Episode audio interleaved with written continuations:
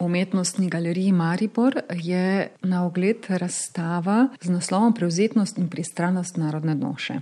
Razstava je nastala na podlagi že dolgoletnega sodelovanja z Narodnim muzejem v Pragi in muzejem lužiških Srbov v Bavcnu v Nemčiji. Gre za zanimivo razstavo, ki nekako za podlago jemlje dela Anteja Trstenjaka. Morda kakšna je zasnova in um, kakšna je dejansko osebinska ideja za samo razstavo? Povezovalna nit, ki je te tri institucije, ki ste jih omenili, uh, povezala, je bil ravno Ante Trstenjak. Namreč njegova življenjska zgodba je izredno razgibana, za pravi film bi se dala posneti in tudi vključen, vključuje vse te dogodke, ki so tudi zaznamovali 20. stoletje, eh, od eh, recimo Ante Trstenjak je bil, eh, se je priključil majstrovim borcem, recimo bil je v prvi vojni, v drugi vojni, ker se ni hotel ločiti od žene Židinje, je bil interniran, potem ob času inform Piroja, ko je živel v Pragi in bil predsednik jugoslovanskega društva, je mogel Prago zapustiti, ker se ni hotel izreči proti Jugoslaviji in potem se je mogel vrniti sem. Se pravi, njegova življenjska zgodba je izredno bogata, obenem pa zaradi tega, ker je živel in eh, se tudi gibal na različnih področjih in ustvarjal tudi v lužiški pokrajini lužiških Srbov, eh, ga hranijo njegova dela vse tri institucije. Eh, po letu 50 se torej vrne v Maribor in tukaj ustvarja do svoje smrti, do leta 1970 in ustvari en velik opus monotipi z naslovom Lužičanke. Ampak on se s tem motivom prvič sreča že leta 1922, ko je še študent na Likovni akademiji v Pragi, namreč takrat vidi uh, razstavo češkega slikarja Ludvika Kube, ki Eh, in ta razstava je v bistvu razstava Lužičank v njihovih narodnih nošah in je tako prevzet nad to razstavo, da se odloči, da enkrat v prihodnje bo pa on tudi nekaj podobnega naredil. Eh, in ker je dolgo časa živel v Pragi, je tudi Narodni muzej v Pragi pridobil nekaj njegovih del. Se pravi, to je tista povezovalna nit, na osnovi katere smo mi sploh začeli o sodelovanju govoriti in iskati, na kakšen način bi pa zdaj razstavo lahko ne samo eno razstavo, ampak razstavo v vsaki instituciji lahko um, realizirali. In pa drugi del tega je pa bilo raziskovanje tega opusa, kjer je vsaka, pač vsak odgovoren neke instituciji raziskal določen segment uh, opusa Anteja Trstenjaka. Razstava torej predstavlja lužiški cikl znotraj slikarskega opusa Anteja Trstenjaka ter vpliv predvsem češkega slikarja Ludvika Kube. Kako se to povezuje in kako je ta predstavljen na sami razstavi? Ja, Ludvik Kuba je bil ta začetni impuls, da se je sploh Ante Trstenjak, torej kot sem rekla, lotil te teme, da jo je spoznal. Je pa res, da je bilo znano v tistem času, da, so, da je pokrajina lužiških Srbov v teh eh, oblačilni kulturi nekaj posebnega in da tam dejansko je treba pa tudi razumeti ta kontekst um, takratne zav, uh, pripadnosti slovanstvu. Namreč Ante Trsten, kad sem že iz njegove življenjske poti se vidi, on je čutil neko pripadnost tem slovanstvu in je tudi se vključil v društvo prijateljev ljužiških Srbov. To so bila društva, ki so po vsej Evropi v tem času zrastla Eh, tudi v Parizu, tudi v Pragi, tudi v drugih velikih mestih, tudi v Ljubljani, recimo, je bilo leta 1928 ustanovljeno tako društvo, ki so z namenom podpore temu malemu narodu, slovanskemu narodu, imenovali so ga najmanjša vejca na slovanskem drevesu, ker je res en tak majčken, majčkena skupina znotraj nemškega jezikovnega področja in torej geografskega področja v bistvu kot otok, ki jih Nemci obdajajo in v času, se pravi, 30. in tega nacionalsocializma in potem eh, teh pritiskov, ki so se vršili nad njih, tudi niso smeli jezika govoriti in tako naprej, eh, se je ta zavednost, da je njih treba nekako spodbujati, s tem so tudi sebe ščitili, ne, s tem so tudi svoje slovanstvo zagovarjali. Se pravi, ta um, um, zavedanje tega, na kak način so lužiški Srbi povezani z svojo kulturo, slovanstvom in tudi svojo nošo, ravno zaradi tega, ker so preko tega izkazovali tudi na nek način identiteto, je tudi bilo pomemben dejavnik. In Ludvik Kuba, recimo, je bil tudi izrazito tak, za, mogoče zaveden, ni čisto prava beseda, ampak je bil izrazito naklonjen tem slovanskim idejam. In je si zastavil, med drugim, on ni bil samo slikar, je bil tudi um, muzikolog, zbiratelj ljudskega gradiva in si je zastavil osebno, brez podpore kakšne velike institucije, en projekt, da bo on hodil po vseh slovanskih deželah in zbiral ljudsko gradivo, ljudske pesmi. In je prepotoval tudi naše dežele, Slovenijo, Hrvaško, Bosno, Črnogoro in Makedonijo. In je v vseh teh deželah, v nekaterih tudi slikal, v vseh pa je zbiral to ljudsko gradivo in ga objavljal v posameznih zvezkih. In recimo na razstavi je tudi knjiga, eh, zanimivo, na, na ključe, ki ni na ključe, iz zbirke eh, Rudolfa Majstra. Torej, spet ta moment tega povezovanja in zavednosti, oziroma tega eh, pripadnosti slovanstvu.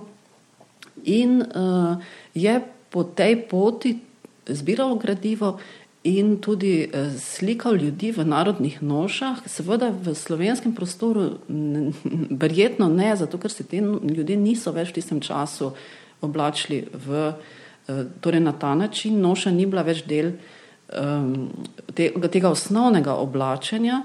Eh, medtem ko recimo na jugu, v Makedoniji, Črni Gori, pa so še in celo moške slika še v teh vsakdanjih oblačilih, kar v tem času absolutno, ne, ali pa tudi v krajni lužiških srbov, moški so oblečeni v običajna oblačila. Se pravi, imamo en tak zanimiv fenomen, tudi, ki ga malo se dotakne ta razstava, eh, tudi Ludvika Kube. No. Zdaj govorimo o narodni noši, ki je izrazito uh, značilna za lužiške srbe. Kaj je tista, če lahko rečemo, posebnost ali kaj so tiste značilnosti, ker ko jih gledamo na fotografijah, slikah, so izrazito nenavadne, bi lahko rekli, celo um, abstraktno. Ja, ena značilnost, ki so jo že v tistem času ugotavljali, da so neka posebnost zaradi svoje izredno bogate in raznolike te oblačilne kulture. To je zelo majhno področje. Eh, ki se deli na zgornjo in spodnjo lužico, ima tudi dve veri, protestantsko in katoliško, in tudi glede na vero izpoved se te noše razlikujejo. In ločijo ene štiri tipe teh narodnih nož, kar je zelo zahtevno. Jaz sem pač sodelovala z etnologinjo, ki zelo, zelo pozna to njihovo kulturo in kateri tip spada kam. Eh, zdaj na kratko, recimo, če povzamem, je. Um, Vsak, torej ženska ni imela samo enega oblačila, ampak seveda oblačilo za id ven, oblačilo za svečane priložnosti, poročno oblačilo, oblačilo za žalovanje, oblačilo za poročeno, neporočeno. Eh, žensko se je ločevalo, to je bila ena poglavitnih značilnosti noše, da se je takoj prepoznalo, ali je ženska poročena ali ne.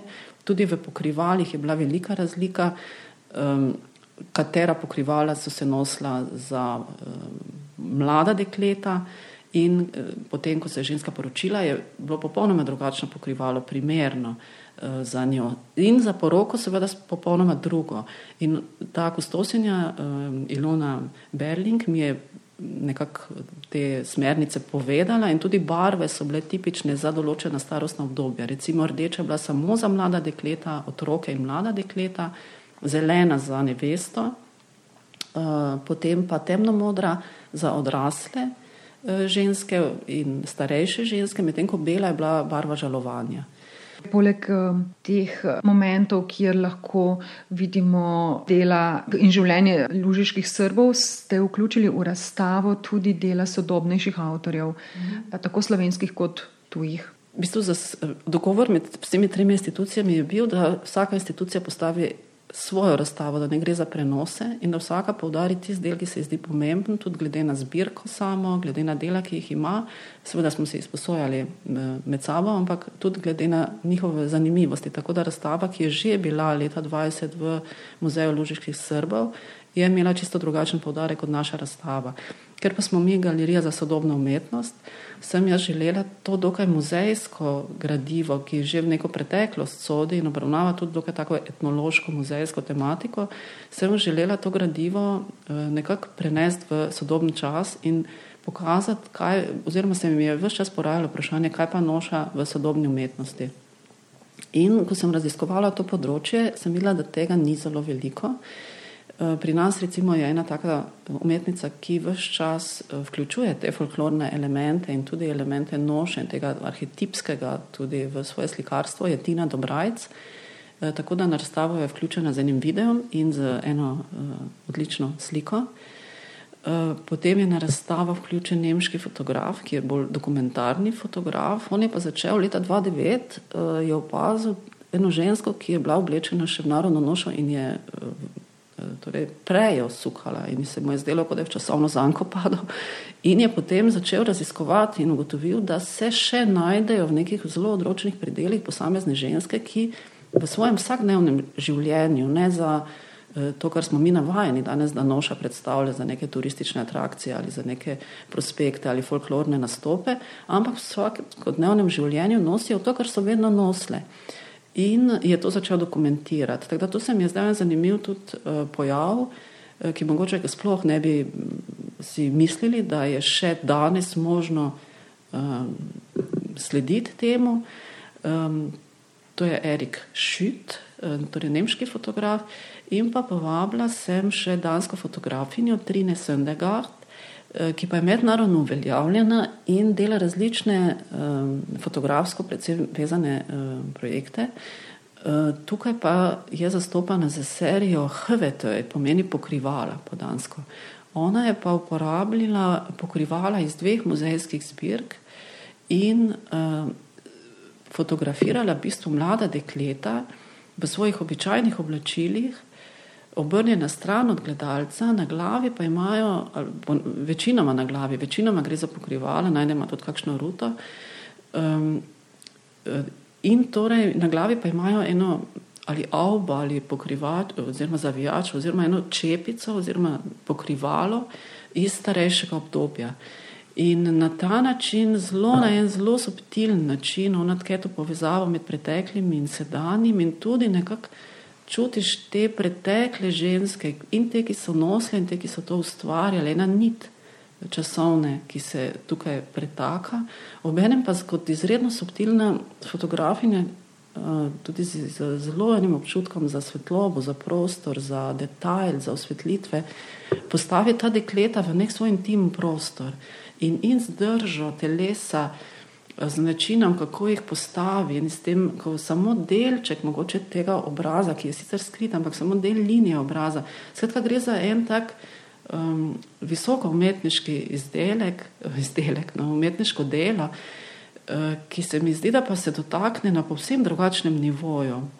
Um, mogoče so te, vsa ta dela, ki sem jih prej naštevala, in antitrstenjak, ki, ki so do, solidna in tudi odlična, uh, vseeno so oni želeli zelo tak um, dokumentarni pristop. Njega tako zelo fascinirala ta eh, bogatstvo, teksture, vzorci in je zelo se s tem ukvarjal. Je manj ta izraznost uh, ali pa umetniška moč, mogoče manj. So v kakšnih, ki mu so mu res zelo uspele. Um, Medtem ko tukaj je pa ravno obratno, je pa ta del te fascinacije nad samim izdelkom, recimo neko čepico, uh, v komunikaciji še z vsem ostalim. In se mi zdi, da Terina Söndergaard res eh, dvigne to razstavo no, na eno zelo visoko raven. Nje ste pripravili tudi, bi rekli, delno samostojno razstavo v delu galerije. Velike dvorani je predstavljena za to serijo pokrivala kot samostojna, eh, iz te iste serije pa je nekaj del eh, vključenih v samo razstavo. To je bil pač nek kompromis, da smo lahko tudi galeriji, ki jo zastopa, nekako ustregli. Zanimivo je, da ste na razstavo vključili tudi dela Anteja Trstenjaka, kjer obravnava in slika žensko kot takšno, ne v narodni noši, ampak dejansko iz njenega običajnega življenja, s čimer ste mogoče poudarili in razširili njegov opus ustvarjanja. Lužičanke na delih Anteja Trstenjaka vidimo, da so zelo zadržane, da ne spostavljajo očesnega stika, ponovadi imajo v rokah neko knjigo ali pa gledajo v neko daljavo.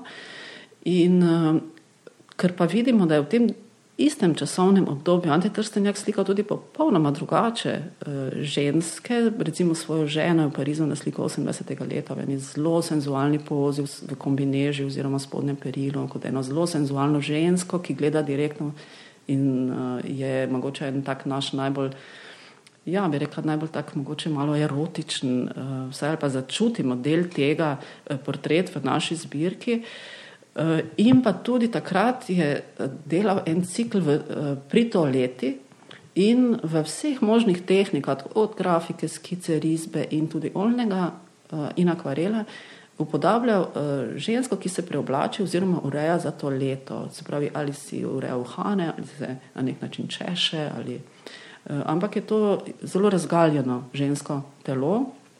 Uh, v, to je torej ta vsebinski moment, obenem pa sem želela, ker tam je izredno dober akvarelist v teh delih, izredno sproščen, vidi se ena taka modernost, ki on sicer v ostalem slikarstvu ne pokaže tako zelo. In ta modernost in ta sproščena poteza, ki jih v teh delih, eh, poleg te vsebine, ki sem jih rekla, ki jo tu začutimo, se mi zdi, da se v najboljših teh uh, monotipijah, ki jih je pa on delal 30 let kasneje, šele ko je bil v Mariboru, da se tukaj ena rdeča nit tudi najde.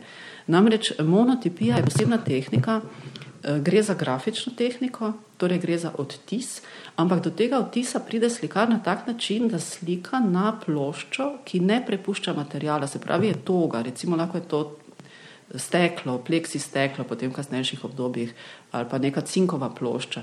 In na to slika z barvami. In ker je to toga plošča, ne tako kot recimo platno, ne, kjer se to upija, lahko tudi odstranjuje barvo, recimo s kakšno lopatko ali pa s prsti, lahko riše tudi v barvo ali pa s kodnico čopiča. Se pravi, omogoča različne take um, pristope, ki niso tako običajni kot recimo pri slikanju, imaš ti čopič in barvo in tam gradiš na drugačen način. In potem to podobo odtisneš. In ime mono je ravno zato, ker dobiš samo en odtis, se pravi vsaka ta grafika original. In um, Trstenjak prej ni delal monotipij.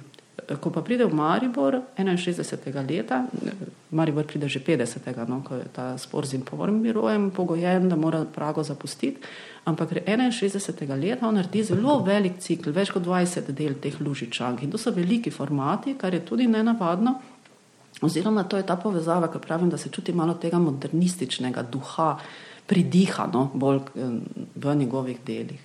Sicer je on v svojem nekem celotnem opusu zmeren realist.